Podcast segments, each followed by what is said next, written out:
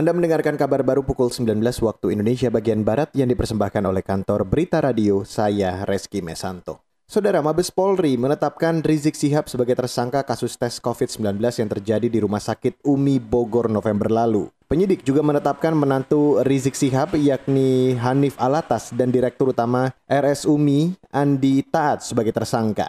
Juru bicara Mabes Polri Ahmad Ramadan menyebut ketiganya disangka menghalangi penanggulangan wabah menyebarkan berita bohong dan tidak menuruti perintah petugas. Saat ini perkembangannya yaitu tim penyidik sudah melakukan gelar perkara dan telah menetapkan tiga orang tersangka. Ketiganya adalah HRS atau MRS, kemudian MHA, menantu dari MRS, dan AT selaku dirut RS Umi.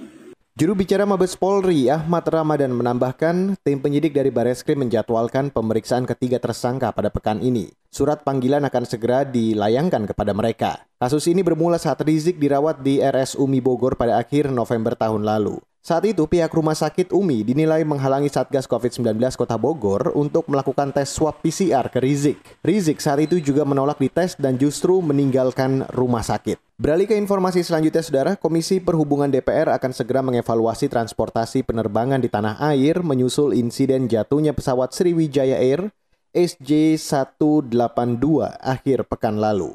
Wakil Ketua Komisi Bidang Perhubungan DPR Ridwan Bae mengatakan, DPR bakal memanggil Menteri Perhubungan Budi Karya Sumadi untuk membicarakan kelayakan penerbangan dari segi usia pesawat. Ia juga akan mengevaluasi pesawat yang bertarif murah.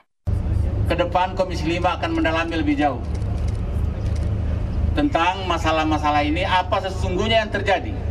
Karena di pandangan dunia, pandangan dunia Indonesia sedikit ada tanggapan bahwa masalah penerbangan kita ini adalah sedikit rawan. Itu tadi Wakil Ketua Komisi Bidang Perhubungan DPR Ridwan Bae. Sabtu lalu, pesawat Sriwijaya Air SJ182 tipe Boeing 737-500 hilang kontak beberapa menit setelah lepas landas dari Bandara Soekarno-Hatta Cengkareng.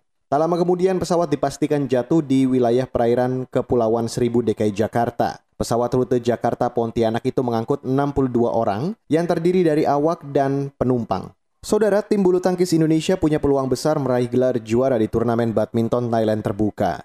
Ini lantaran Cina dan Jepang absen dalam turnamen kali ini. Tim badminton Cina absen karena tidak mendapat izin pemerintah Tiongkok, sedangkan Jepang absen disebabkan pemain tunggal putra mereka yakni Kento Momota terinfeksi COVID-19.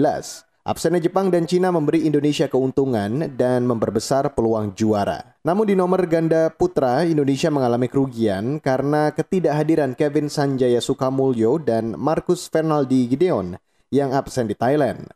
Thailand terbuka akan dimulai besok hingga 17 Januari 2021. Demikian kabar baru KBR saya Reski Mesanto.